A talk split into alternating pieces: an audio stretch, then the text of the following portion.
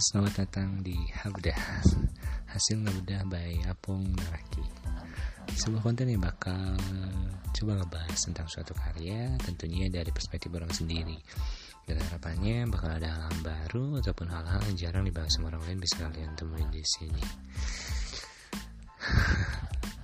Sebuah opening yang agak agak beda sedikit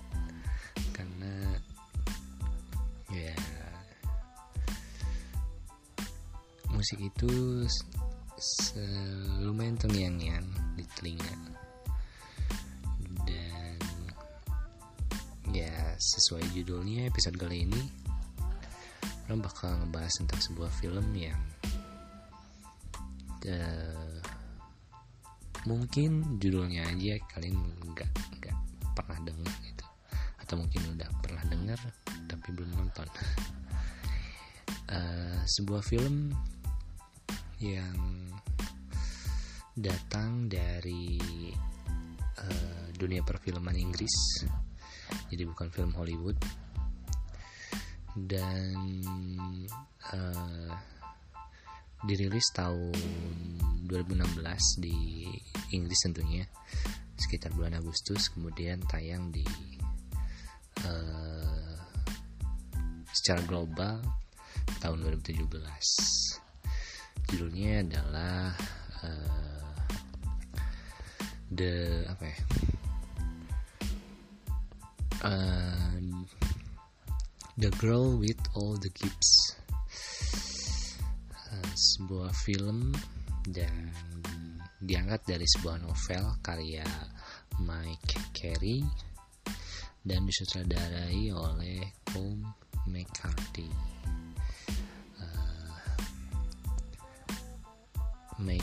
McCary sendiri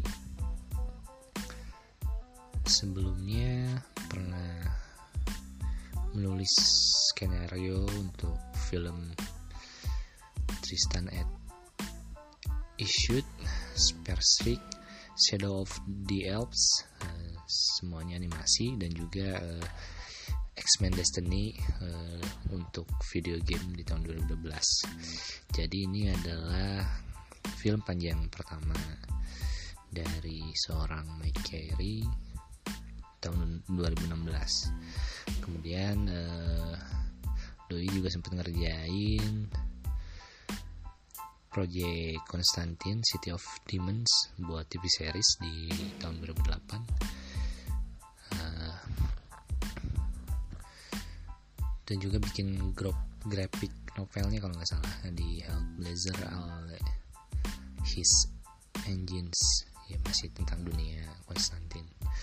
Dan untuk proyek selanjutnya sayanya belum belum ada info di situs IMDb kemudian sutradaranya tadi si Colm McCarthy ini punya banyak uh, apa ya portofolio. Mulai dari TV series di tahun 2001 ngerjain sekitar berapa ya? Sekitar 24 24 project. Dan kebanyakan adalah TV series yang beberapa mungkin termasuk uh, apa ya uh, seri-series yang lumayan terkenal gitu. Kayak kayak misalnya uh, Doctor Who kemudian Sherlock juga pernah uh, di tahun 2014 kemudian Peaky Blinders Black Mirror Black Mirror Black Mirror kemudian ada Krypton juga. Uh, dan portfolio terakhirnya adalah TV series uh, berjudul Carview Curveo gimana bacanya? Di tahun 2019 dan ya nggak tahu itu ramai atau enggak tapi kayaknya sih cukup menjanjikan. Uh, kenapa orang bahas dulu latar belakang dari dua orang tersebut? Ya karena uh, film atau duo in sosok keduanya ber, uh, sebetulnya apa ya uh, dilihat dari film ini ya cukup potensial gitu uh, untuk menjadi salah satu hmm, filmmaker yang punya punya karya yang bagus gitu. Karena ya karena ya hmm, terbukti dari film ini untuk orang pribadi sih uh, film yang uh, apa ya menarik gitu menarik penuh potensi sayangnya uh, cerita ini tidak digarap oleh studio besar gitu maksud bukan digarap ya bukan project kelas A lah gitu istilahnya. Walaupun didistribusikan sama studionya Warner Bros. itu ya orang pribadi sih berharap beberapa tahun yang akan datang ya taruhlah tahun berapa ya? Ya dua atau tiga tahun yang akan datang film ini hmm, bisa dilirik untuk jadi film remake dengan skala yang lebih gede gitu. Karena terus terang uh, punya point of view yang menarik sih buat buat orang pribadi. Jadi sebelum orang bahas lebih dalam tentang filmnya buat kalian yang mau hmm, coba nonton cari dulu filmnya nikmati dulu filmnya terbaik lagi sini buat diskusi. Orang kasih waktu tiga ya. Tiga tiga detik. Tiga dua satu. Oke. Okay. orang asumsikan sekarang? Kalian sudah menonton filmnya dan hmm, sudah punya pengalaman yang mungkin berbeda dari yang orang rasakan. Tapi hmm, ada beberapa poin yang ingin orang garis bawahi tentang film ini gitu. Kenapa sampai orang bilang bahwa film ini adalah film yang menarik gitu. Uh, seperti yang kalian udah tahu menurut orang uh, opening film ini sangat-sangat menarik gitu. Apalagi ketika kita tidak tahu apa yang diceritakan gitu. Kita tidak tahu permasalahannya apa situasinya kayak gimana eh, dan apa yang sedang dihadapi sama si karakter utamanya gitu. Eh, apalagi ya mungkin tipe-tipe penonton yang kayak orang gitu kayak uh, apa ya kalau misalnya udah baca sinopsis atau trailer segala macem udah udah sok-sokan nebak segala macem dan emang emang emang rata-rata kayak gitu gitu. Jarang yang ngasih kejutan gitu. Makanya orang sangat-sangat menghindari sekarang uh, menghindari nonton trailer atau teaser uh, menghindari berita film ya yang ada unsur ceritanya gitu. Demi mendapatkan sensasi uh, terkejut itu gitu dan buat orang pribadi sih ya lumayan lumayan gitu. Lumayan uh, tetap mengejutkan karena uh, orang tahu film ini karena nggak sengaja uh, melihat trailer apa gitu. Terus ada uh, ada trailer film ini gitu ya. Mau nggak mau uh, kayak karena penasaran orang orang ini apa orang coba tonton gitu trailernya. Jadi uh, agak lumayan ketebak gitu. Bukan ketebak sih uh, maksudnya jadi tahu gitu tentang, tentang film apa gitu. Dan ya walaupun kejutannya agak sedikit berkurang karena ngelihat trailernya jadi tapi tetap bagus gitu maksudnya tetap tetap ngerasa oh, surprise banget gitu masih ada pertanyaan ini sebenarnya kenapa sih si si si karakternya ini gitu. Nah, sebenarnya apa gitu gitu gitu gitu gitu gitulah pokoknya. Dan uh, walaupun film ini tidak memakai aktor uh, yang orang kenal karena ya balik lagi mungkin soal uh, budgetnya yang ya budget produksinya diperkirakan hanya berkisar di 4 juta dolar Amerika. Jadi ya bayangin gitu. Ketika film-film kelas A biasanya dapat uh, atau menelan budget puluhan bahkan ratusan juta dolar ini cuman 4 juta dolar doang gitu 4 4 juta uh, pound sterling sorry. 4 juta pound sterling. Dan berhasil mendapatkan pendapatan kotor sekitar 4 juta dolar. Jadi ya bisa dibilang film ini emang rugi sih. Secara secara hitung-hitungan gitu. Tapi ya nggak terlalu banyak sih ruginya. Tapi walaupun kayak gitu uh, film ini berhasil mendapatkan beberapa nominasi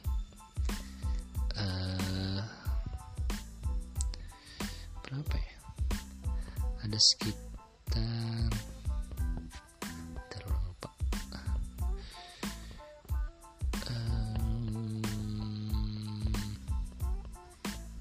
ada sekitar 10 nominasi dan 8 menang lah 8 penghargaan.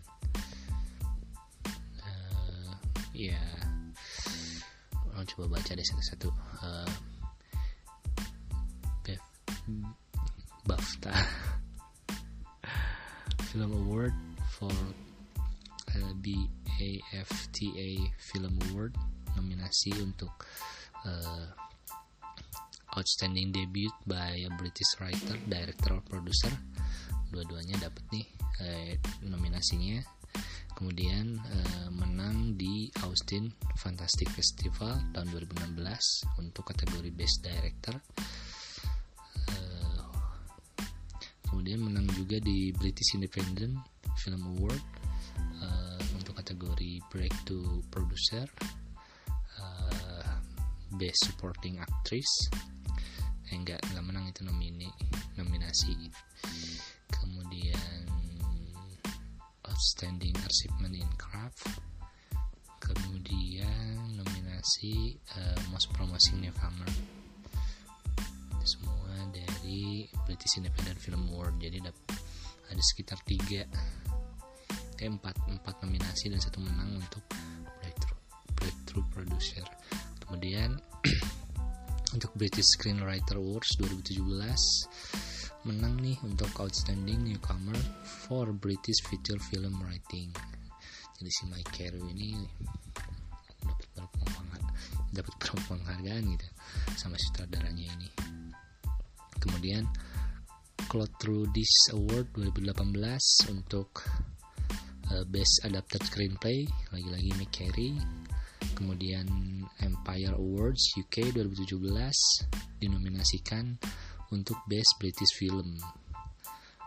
Uh, dan juga uh, Best Film Newcomer untuk uh, Senya Nanua yang jadi uh, pemeran utamanya pemeran utamanya. Si Melanie ini. Kemudian dapat juga Golden Trailer Award 2017 Best Foreign Trailer Trailer. Tahun 2017 jadi penghargaan trailer terbaik untuk kategori film asing di tahun 2017 film asing dan thriller kemudian Gerard Byrne Film Festival 2017 untuk Audience Award menang dan juga Best Film Score kemudian ada Locarno Internal Festival London Critics Circle Film Award Moulin Film Festival namanya namanya namanya dan menang di uh, online Film Critics Society Awards 2017 untuk Best Non US release. Best Actress juga menang di stages Catalonia International Film Festival 2016 untuk kategori Best Actress Senia Nanua. Jadi film ini emang bagus gitu secara secara kritik mungkin ya atau secara secara apa ya? Ya bisa dibilang secara kritik ya. Walaupun ratingnya cuma dapat 6,6 gitu di IMDb tapi ya sekali lagi kalau bisa orang bilang ya film ini sangat-sangat potensial gitu. Walaupun dengan segala keterbatasannya ya termasuk film panjang debut bagi produser eh produser bagi sutradara sama penulisnya dan yang terbatas kemudian uh, aktor yang enggak dalam tanda petik nggak terkenal gitu tapi berhasil begitu menyabet uh, begitu banyak nominasi dan bahkan menang di beberapa kategori. Ada 8 kalau nggak salah yang menang penghargaan. Ya orang wajar gitu. Apalagi ya acting si Melanie ini si siapa ya nama? Si Senia Nanue ini ya cukup menarik perhatian gitu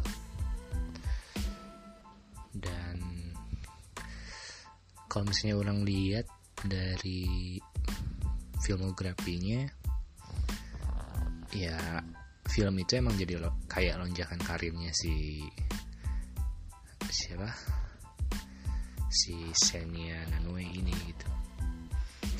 Dan film The Girl with All the Gifts ini jadi film uh,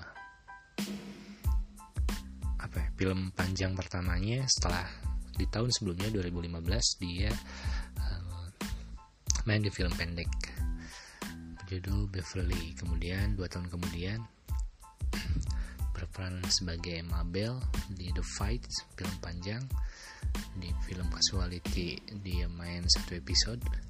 Kemudian main lagi di film panjang di 2019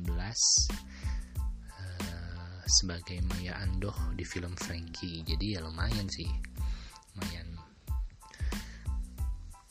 Ya kayaknya tinggal nunggu waktu untuk bisa jadi salah satu aktor yang bisa diperhitungkan gitu. Kalau orang sih ngeliat potensinya ada gitu. Uh, actingnya Do itu kayak gimana ya? Ya sukses gitu ngegambarin sosok uh, anak kecil yang lugu tapi punya pengetahuan yang atau sifat yang cerdas gitu jadi lugu kemudian punya rasa ingin tahu yang banyak tapi juga pemberani gitu. dan yang bikin orang salut tuh film ini meskipun uh, ya sedikit banget gitu pakai CGI-nya dan mungkin lebih lebih banyak pakai uh, particular effect itu efek yang memang dibuat dibuat detailnya manual. Ya nggak cukup. Maksudnya apa ya? Cukup untuk untuk uh,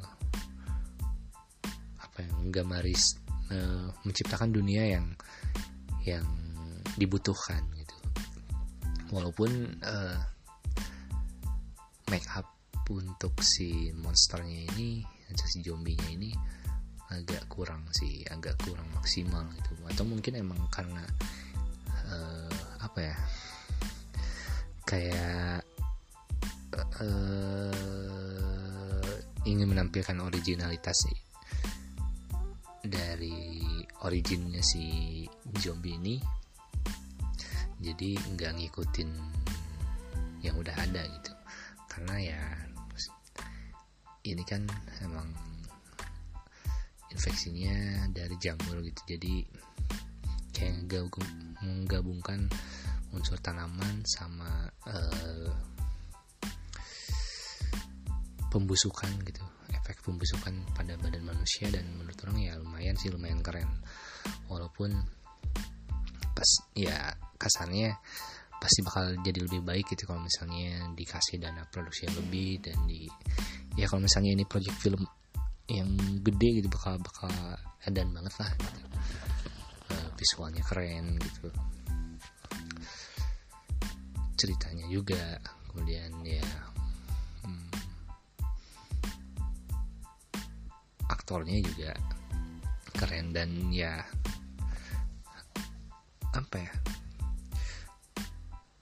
soal suara musik uh, kemudian soundtracknya ataupun background suasananya itu udah udah ngebangun banget sih menurut orang. Uh, kerasa kerasa membawa aura yang mencekam jadi unsur ketegangannya bisa terjaga. Dan ya cukup cukup nempel di kepala gitu kayak yang terakhir itu. Nah nah nah nah nah nah, nah. itu keren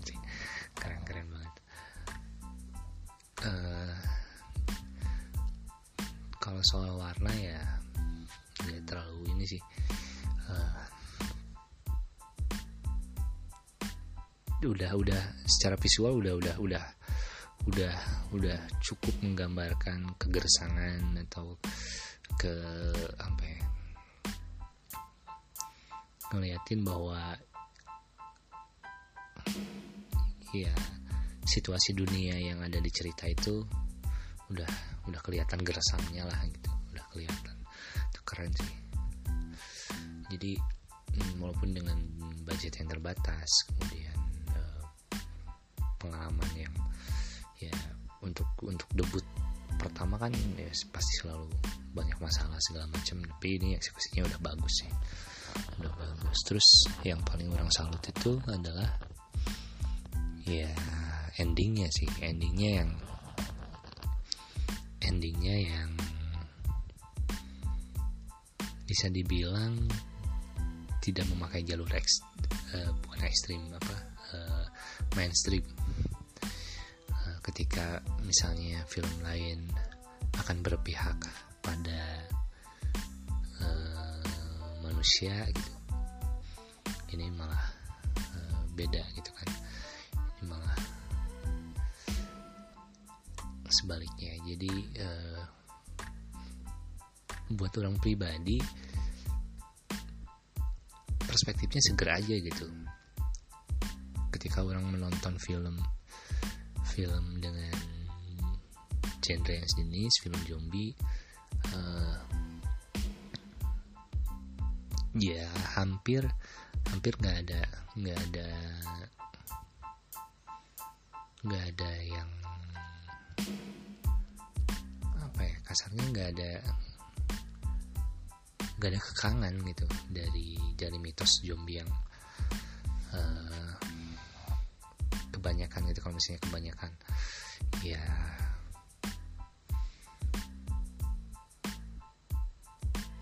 digambarnya sebagai monster aja monster yang kelaparan segala macam itu dibikin se apa ya seunik mungkin.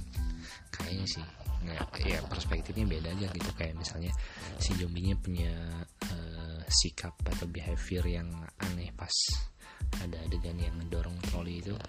Troli bikin penasaran. Kemudian uh, ada juga uh, ya generasi kedua itu. Terus kemudian penyebab uh, virusnya pertama kemudian vaksinnya gitu. Ya beberapa film zombie yang orang pernah nonton ya perspektifnya selalu selalu datang dari uh, segi si manusianya gitu. Kalau misalnya ini kan datangnya dari segi si uh, zombinya gitu. Jadi uh, eh menarik menarik gitu. Menarik banget. Ya walaupun nggak bisa dibilang 100% film ini wah segala macam kayak gimana gitu tapi ya buat orang segera aja gitu karena hmm, punya poin gitu punya punya perspektif yang, yang baru orang sih ngebayangin kalau misalnya film ini agak naik kelas gitu misalnya di remake lagi segala macam ya bakal bisa lumayan nyaingin nyaingin film kayak misalnya I Am Legend gitu. Uh, ya bakal bakal berkesan lah pasti bakal berkesan gitu. Walaupun mungkin bakal ada sedikit uh, penyesuaian. Kayak misalnya uh, kalau di sini kan kayak si zombinya lebih kayak vampir gitu. Ngincar ngincarnya leher kemudian uh, di yang diincar tuh kayaknya darah atau itu. Uh, bukan otak sih. Atau mungkin karena ya dalam tanda petik kesusahan untuk membuat efek itunya gitu karena mungkin keterbatasan dana atau segala macam. Jadi uh, bisa dieksplor lagi gitu. Maksudnya uh, apa ya kayak efek-efek ininya sih efek ke bukan efek impact zombinya gitu. Walaupun ini udah, keren banget sih maksudnya orang suka behavior yang ditampilin kayak cara dia nggak si zombinya ngerespon suara kayak gimana kemudian uh, apa ya gerakan pertamanya tuh kayak gimana gitu ke triggernya kayak gimana kemudian uh, titik lemahnya gimana gitu. Itu itu menarik sih menurut orang. Jadi ya sekali lagi ya orang bakal berharap film ini bakal ada versi barunya gitu dan yang membuat orang salut dari film-film kayak gini tuh uh, padahal kan ya bisa dibilang zombie itu udah jadi jadi ya jadi makhluk yang udah sering banget dibahas sering banget dipakai gitu. Tapi ya selalu ada unsur-unsur baru gitu. Uh, itu yang membuat orang bikin jadi tambah tertarik sama si karakter zombie ini gitu. Di Indonesia sendiri pernah sih ada film tentang zombie kalau nggak salah. Uh, tahun berapa ya? Tahun 2017 kalau nggak coba orang coba searching dulu ya. Film zombie Indonesia film zombie Indonesia. Hmm, pernah waktu itu sempat agak rame. Oh iya yeah, kampung zombie kampung zombie tahun 2015 ada juga Rionizi kemudian tahun 2018 ada film Zeta di tahun 2019 dan ya lima cowok jagoan di 2017 jadi ya zombie ini udah jadi IP internasional gitu kasarnya udah udah mungkin diterjemahkan oleh hampir setiap negara. Cuman uh, yang harus diulik adalah bagaimana si zombie ini kemudian jadi sesuai dengan budaya filmmaker sesuai dengan budaya negara si film ini dibuat ataupun ditayangkan ya pribadi sih tertarik sih. Tapi belum belum kepikiran belum kepikiran uh, ceritanya bakal kayak apa. Uh, ntar deh tunggu deh. Uh, ada ada ada, ada. kayaknya ada sih kayaknya ada. Udah udah udah mulai udah mulai uh, kena kena cipratan-cipratan gara-gara gara-gara ngomongin ini nih. Thank you banget nih jadi ya semoga semoga bisa bisa bisa bisa dipoles dan diwujudkan jadi karya gitu. Paling itu dulu sih untuk filmnya. Jadi uh, ya kalaupun misalkan kalian ternyata dengerin konten ini dan belum nonton filmnya ya ditonton aja gitu. Uh, ya bisa jadi hiburan yang yang menarik sih menurut orang. Bahkan kalau orang pribadi sih lebih milih ini film ini daripada uh, Train to Busan. Walaupun udah orang udah lama banget sih nonton film itu. Dan perspektifnya berbeda gitu kalau dulu sama sekarang.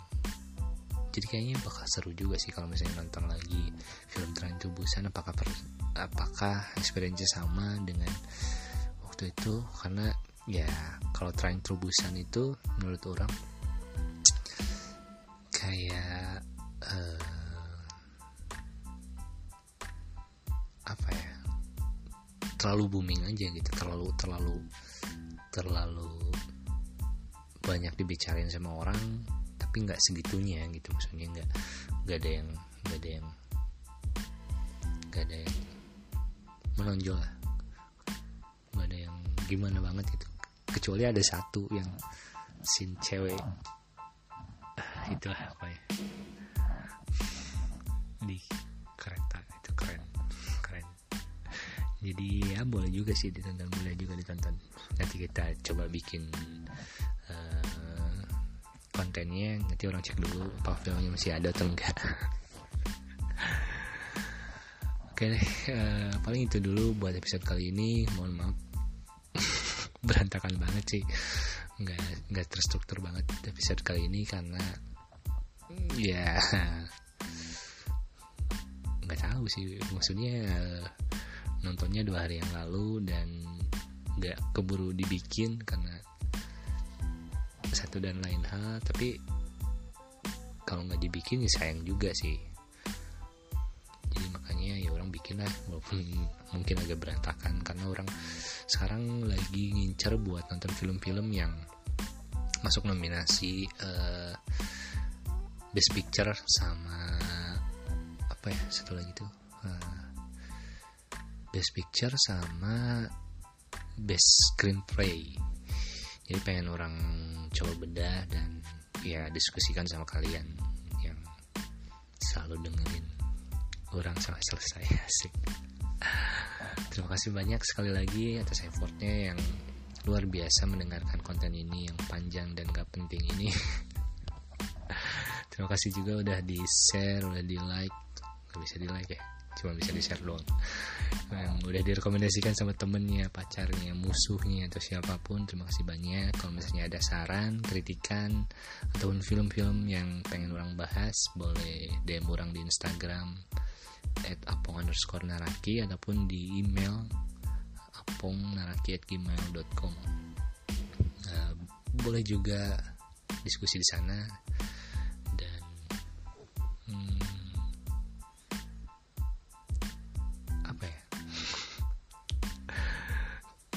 kalau mau nyobain collab sih boleh banget uh, kalau waktunya sesuai uh, kayaknya pengen banget sih pengen banget uh, mekanismenya gimana ntar ntar kita coba bahas lah semoga bisa itu karena ya emang emang agak-agak agak aneh sih. Maksudnya bicara satu arah kayak gini ya mungkin bakal lebih seru kalau misalnya uh, jadi dua orang ngobrol langsung segala macam atau bahkan lebih. Tapi ya masih belum ketemu momennya belum ketemu orangnya yang pas buat diajak ngobrol bareng. Sebenarnya bisa siapa pun sih cuman ya kayak situasinya aja belum dapet gitu.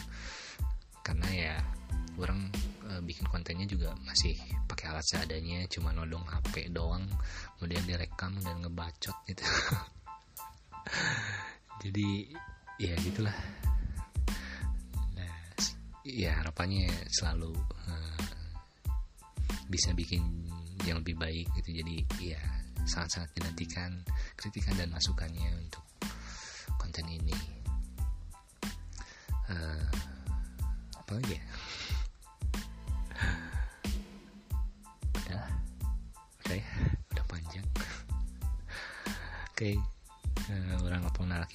Sampai jumpa di episode selanjutnya. Abra.